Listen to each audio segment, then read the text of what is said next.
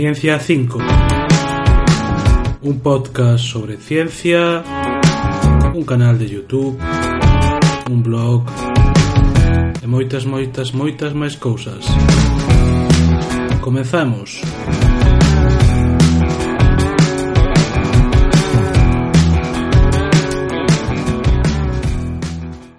Ola, outra semaninha máis en Ciencia 5 como xa comentemos a facer a lectura do libro Historia do Tempo do Big Bang aos buratos negros de Stephen W. Hawking Hawking Stephen Hawking.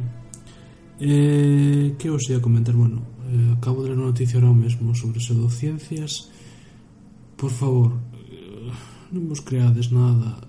Buscad un pouco de información é que algunhas tiran para atrás xa solamente con ler ou escoitar o que din Xa vos teñen que sonar cousas a falacias. É dicir, botado un ollo que é horrible.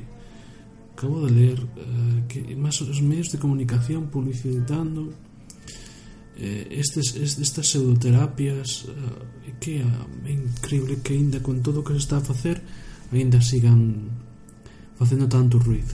Bueno, vamos ler este libro e eh, deixar de, de, de ler esas cousas porque dan moita pena. Empezamos cunha breve introdución que empeza así o libro. Movémonos nun ambiente diario sen entender case nada acerca do mundo.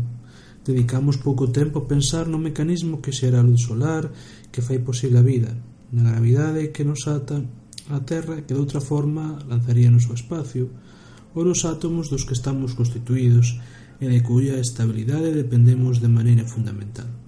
Excepto os nenos, que non sabemos suficiente como para non preguntar cuestións tan importantes, Poucos de nosotros dedicamos tempo a preguntarnos por que a natureza é forma da que é, de onde xurxiu o cosmos, xurdiu o cosmos, e se sempre estivo ali, se o tempo correrá en sentido contrario algún día, e os efectos precederán as causas ou se existen límites fundamentais acerca do que os humanos poden saber.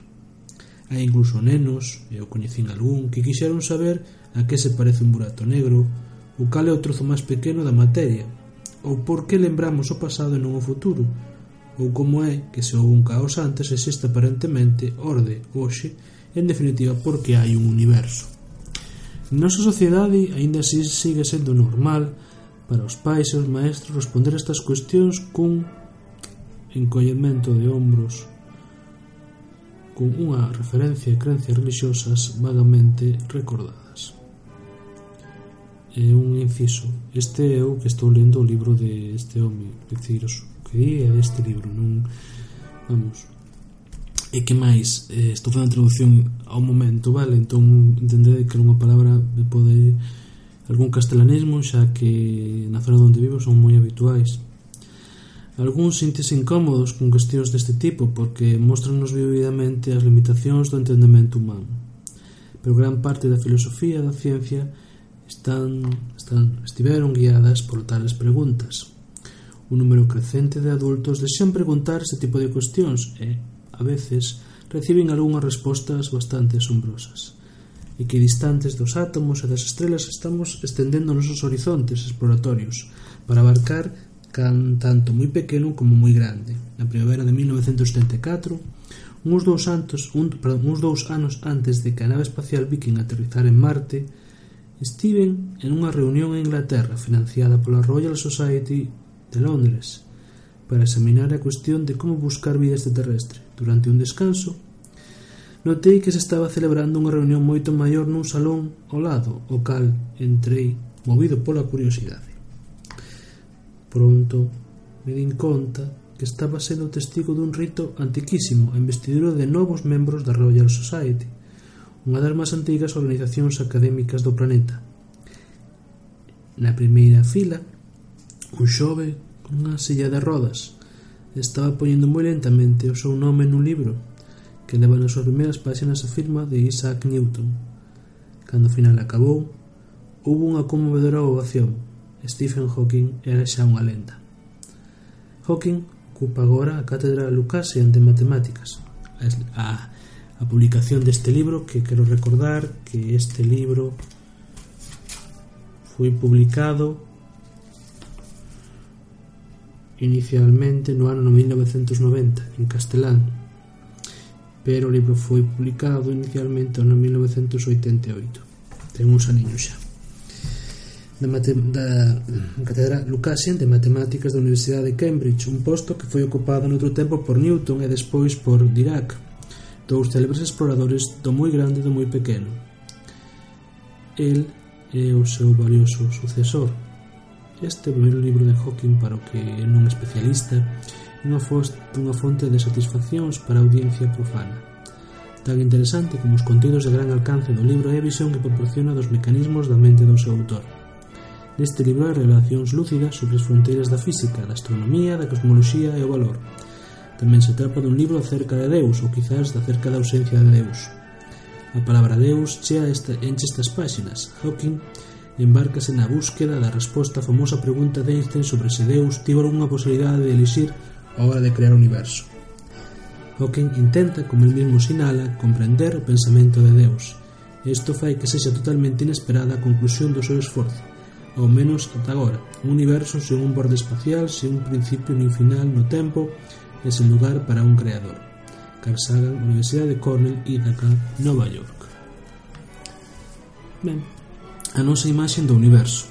Un coñecido científico, algúns dice que foi Bertrand Russell, daba unha vez unha conferencia sobre astronomía, En ela describía como a Terra xiraba ao redor do Sol e como este a súa vez xiraba ao redor do centro dunha vasta colección de estrelas, coñecida como a nosa galaxia. Ao final da charla, unha simpática señora, xa de edad avanzada, levantouse e díxolle dende o fondo da sala O que nos contou vostede non son máis que tonterías. O mundo é unha realidade, unha plataforma plana sustentada polo caparazón dunha tortuga xigante. O científico riuse ampliamente antes de replicarle. E en que se atopa apoiada a tortuga? Tartaruga. Vostede moi intelixente, xoven, moi intelixente, dixo a señora, pero infinitas tortugas unhas debaixo da outra. A maior parte da xente encontraba bastante ridícula a imaxe do noso universo como unha torre infinita de tortugas, pero en que nos basamos para creer que o coñecemos mellor? Que sabemos acerca do universo e como chegamos a sabelo? De onde xurdiu o universo? A donde vai? Tuvo o universo un principio e se foi así que sucedeu coa anterioridade a ele. Cal é a natureza do tempo? Chegará esta algunha vez ao final? Avances recentes na física, posibles en parte gracias ás fantásticas novas tecnoloxías, Suxiren respostas a algunha destas preguntas que dende fai moito tempo preocupanos. Un día estas respostas poderán parecernos tan sinxelas como que a Terra xira ao redor do Sol ou quizáis tan ridículas como unha torre de tortugas. Solo o tempo, calquera que sexa o seu significado, o dirá. Xa no ano 340 a.C., o filósofo grego Aristóteles, no seu libro dos Ceos, foi capaz de establecer dous bons argumentos para aquel que a Terra era unha esfera redonda en vez dunha plataforma plana. En primeiro lugar, deuse conta que os eclipses lunares eran debidos a que a Terra situaba entre o Sol e a Lúa. A sombra da Terra sobre a Lúa era sempre redonda. Se a Terra houbera sido un disco plano, a súa sombra teria que ser alargada e elíptica, ao menos que o eclipse sempre ocorrera no momento no que o Sol estivera directamente debaixo do centro do disco. En segundo lugar, os gregos sabían, debido ás súas, via ás súas viaxes, que a estrela polar aparecía máis baixa no ceo cando se observaba dende o sur e cando facíase dende os rexións máis ao norte. Como a estrela polar está sobre o polo norte, parecería estar xusto encima do observador, situado en dito polo, mentes que para alguén que mirara dende o ecuador parecería estar xusto no horizonte. A partir da diferencia na posición aparente da estrela polar entre Egipto e Grecia, Aristóteles incluso estimou que a distancia ao redor da Terra era de 400.000 estadios, Non se coñece con exactitud cal era a longitude dun estadio, pero pode que fose dunhos 200 metros, o que supondría supoñería que a estimación de Aristóteles era aproximadamente do dobre da longitude hoxe en día aceptada. Os gregos tiñan incluso un terceiro argumento a favor de que a Terra debía ser redonda, porque senón un, porque senón, perdón, ve un primeiro ve un primeiro as velas dun barco que se acerca no horizonte e só despois se ve o casco. Aristóteles cría que a Terra era estacionaria e que o Sol e a Lúa, os planetas e as estrelas movíanse en órbitas circulares ao redor dela. Cría eso porque estaba convencido por razóns místicas de que a Terra era o centro do universo e de que o movimento circular era o máis perfecto. Esta idea foi ampliada por Ptolomeo no ano do, no ano, sí, no século 2 despois de Cristo para constituir un modelo cosmolóxico completo A Terra permaneceu no centro rodeada por oito esferas que transportaban a Lúa, o Sol, as estrelas e os cinco planetas coñecidos naquel tempo Mercurio, Venus, Marte, Xúpiter e Saturno. Os planetas movíanse en círculos máis pequenos engarzados nas súas respectivas esferas, para que se pu si puideran explicar os seus relativamente as súas complicadas trayectorias celestes. A esfera máis externa transportaba as chamadas estrelas fixas, as cales sempre permanecían nas mesmas posicións relativas, unhas con respecto ás outras, xirando xuntas a través do ceo. O que había detrás da última esfera nunca foi descrito con claridade, pero certamente non era parte do universo observable, observable polo home. O modelo de Ptolomeo proporcionaba un sistema razonablemente preciso para predecir as posicións dos corpos celestes no firmamento, pero para poder predecir ditas posicións correctamente, Ptolomeo tiña que supoñer que a Lúa seguía un camiño que situaba en algúns instantes dúas veces máis cerca da Terra que en outros, e isto significaba que a Lúa debería parecer a veces co tamaño dobre do que usualmente ten. Este home recoñecía esta inconsistencia, a pesar do cal o seu modelo foi amplia, aunque non universalmente aceptado. Foi adoptado pola Igrexa Cristiana como imaxe do universo que estaba de acordo coas escrituras, e que ademais presentaba a gran ventaxe de deixar fora de esfera das estrelas fixas unha enorme cantidad de espacio para o ceo e o inferno.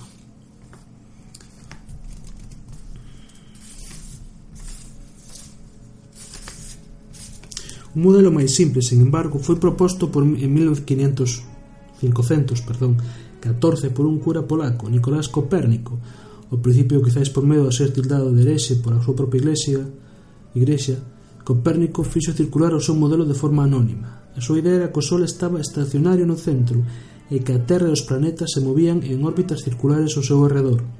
Pasou case un século antes de que a súa idea fora tomada verdadeiramente en serio. Entonces dous astrónomos, o alemán Johannes Kepler e o italiano Galileo Galilei empezaron a apoiar públicamente a teoría copernicana, a pesar de que as órbitas que predicía non se asustaban fielmente as observadas. O golpe mortal a teoría aristotélico potolemaico Ptolomeo Ptolomaica chegou en 1609 en ese ano Galileo comenzou a observar o ceo nocturno con un telescopio que acaba de inventar cando mirou o planeta Xúpiter Galileo encontrou que esta estaba acompañado por varios pequenos satélites ou lúas que xiraban ao seu redor Isto implicaba que non todo tiña que xirar directamente ao redor da Terra, como Aristóteles e Ptolomeo habían proposto. Aínda así, era posible dende logo creer que as lúas de Xúpiter se movían en camiños extremadamente complicados ao redor da Terra, aunque daba unha impresión de que xiraban en torno a Xúpiter. Sin embargo, a teoría de Copérnico era moito máis simple. Ao mesmo tempo, Johannes Kepler modificou a teoría de Copérnico, suxerindo que os planetas non se movían en círculos, senón en elipses. Un elipse é un círculo alargado. As predicións axustábanse agora finalmente ás observacións, Dende o punto de vista de Kepler, as órbitas elípticas constituían meramente unha hipótesis ad hoc, e de feito unha hipótese bastante desagradable, xa que as elipses eran claramente menos perfectas que os círculos. Kepler, ao descubrir case por accidente que as órbitas elípticas asustaban ben as observacións, non puido reconcilialas coa idea de que os planetas estaban concebidos para xirar alrededor do Sol, atraídos por forzas magnéticas. Unha explicación coherente só foi proporcionada moito máis tarde no ano 1787 cando Isaac Newton publicou o seu Philosophiae Naturalis Principia Mathematica, probablemente a obra máis importante publicada nas ciencias físicas non todos os tempos. En ela, Newton presentou unha teoría de como se moven os corpos no espacio e no tempo. Tamén desenvolveu as complicadas matemáticas necesarias para analizar esos movimentos.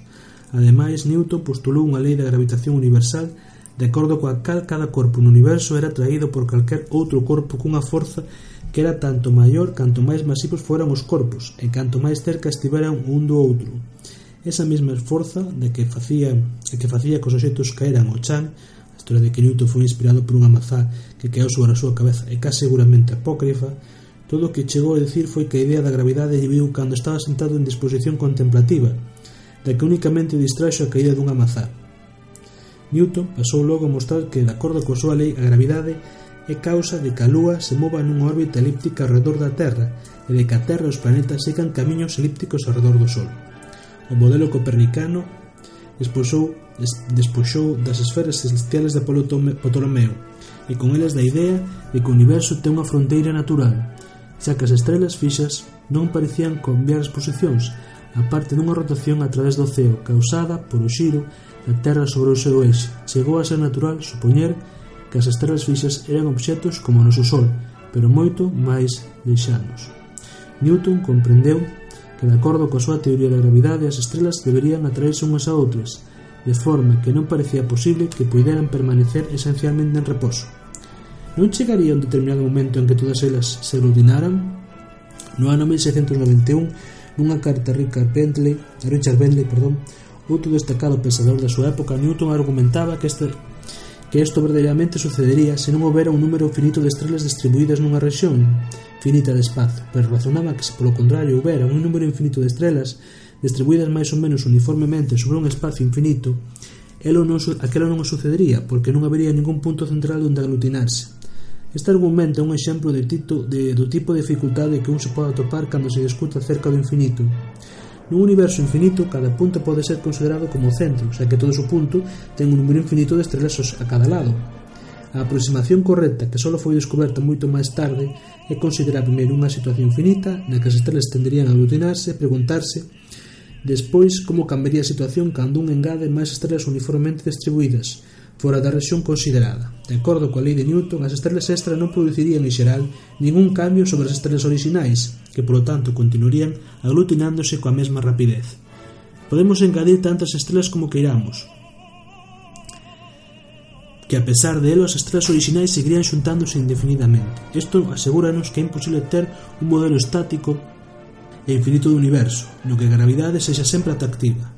Un dato interesante sobre a corrente xeral do pensamento anterior ao século XX é que, a naide houbera suxerido que o universo se estivera expandindo ou contraindo, era xeralmente aceptado que o universo ou ben existira sempre nun estado inmóvil ou ben creouse máis ou menos como observamos hoxe ou nun, como observamos hoxe ou nun determinado tempo pasado finito. En parte, isto debe á tendencia que temos as persoas a creer en verdades eternas, tanto como o Sí, a axuda que nos proporciona a crenza de que, aunque poidamos envellecer ou morrer, o universo permanecerá eterno e inmóvil. Incluso, aqueles que comprenderon a teoría da gravidade de Newton mostraban que o universo non podría estar estático, non pensaron en suxerir que podría estar expandíndose. Polo contrario, daron modificar a teoría supoñendo que a forza gravitacional fose repulsiva a distancias moi grandes, ela non afectaba significativamente as súas predicións sobre o movimento dos planetas, pero permitía que unha distribución infinita de estrelas puidera permanecer en equilibrio, coas forzas atractivas entre elas cercanas, equilibradas polas forzas repulsivas entre estrelas lonxanas.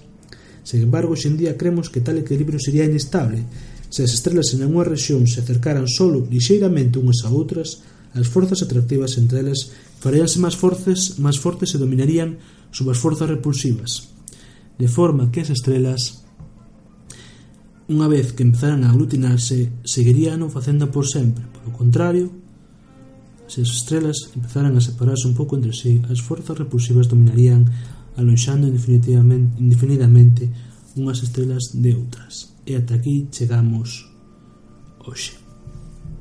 Si, sí, ou? Si, sí, chegamos aquí.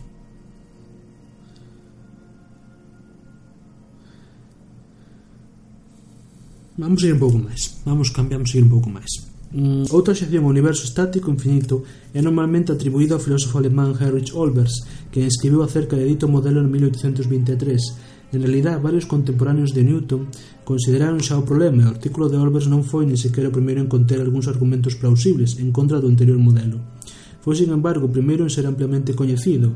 A dificultade a que nos referíamos estriba en que o universo está estático infinito Prácticamente cada liña de visión acabaría na superficie dunha estrela, e así sería esperar que todo o ceo fora, incluso de noite, tan brillante, tan brillante como o sol. En contra, o contraargumento de Olbers era que a luz das estrelas lonxanas estaría oscurecida pola absorción debida á materia intermedia. Sin embargo, se isto sucedera, a materia intermedia calentaríase co tempo hasta que iluminara toda forma tan intensa como fan as estrelas. A única maneira de evitar a conclusión de que todo o ceo nocturno debería ser tan brillante ou brilante como a superficie do sol sería supoñer que as estrelas non estiveron iluminando dende sempre, senón que se encenderon nun determinado instante pasado finito. Neste caso, a materia absorbente podría non estar quentándose todavía ou a luz das estrelas distantes podería non alcanzarnos aínda. E isto, esta, esta conclusión conduciríanos á cuestión de que podería haber causado, de que podría, escal podría ser a razón o feito de que as estrelas se volveran encendido por primeira vez. E aquí continúa co principio do universo, pero non vamos a continuar hoxe máis, senón leo o libro inteiro hoxe. Moitísimas gracias, que teñades moi boita semana e moita ciencia. Seguimos a semana que ven.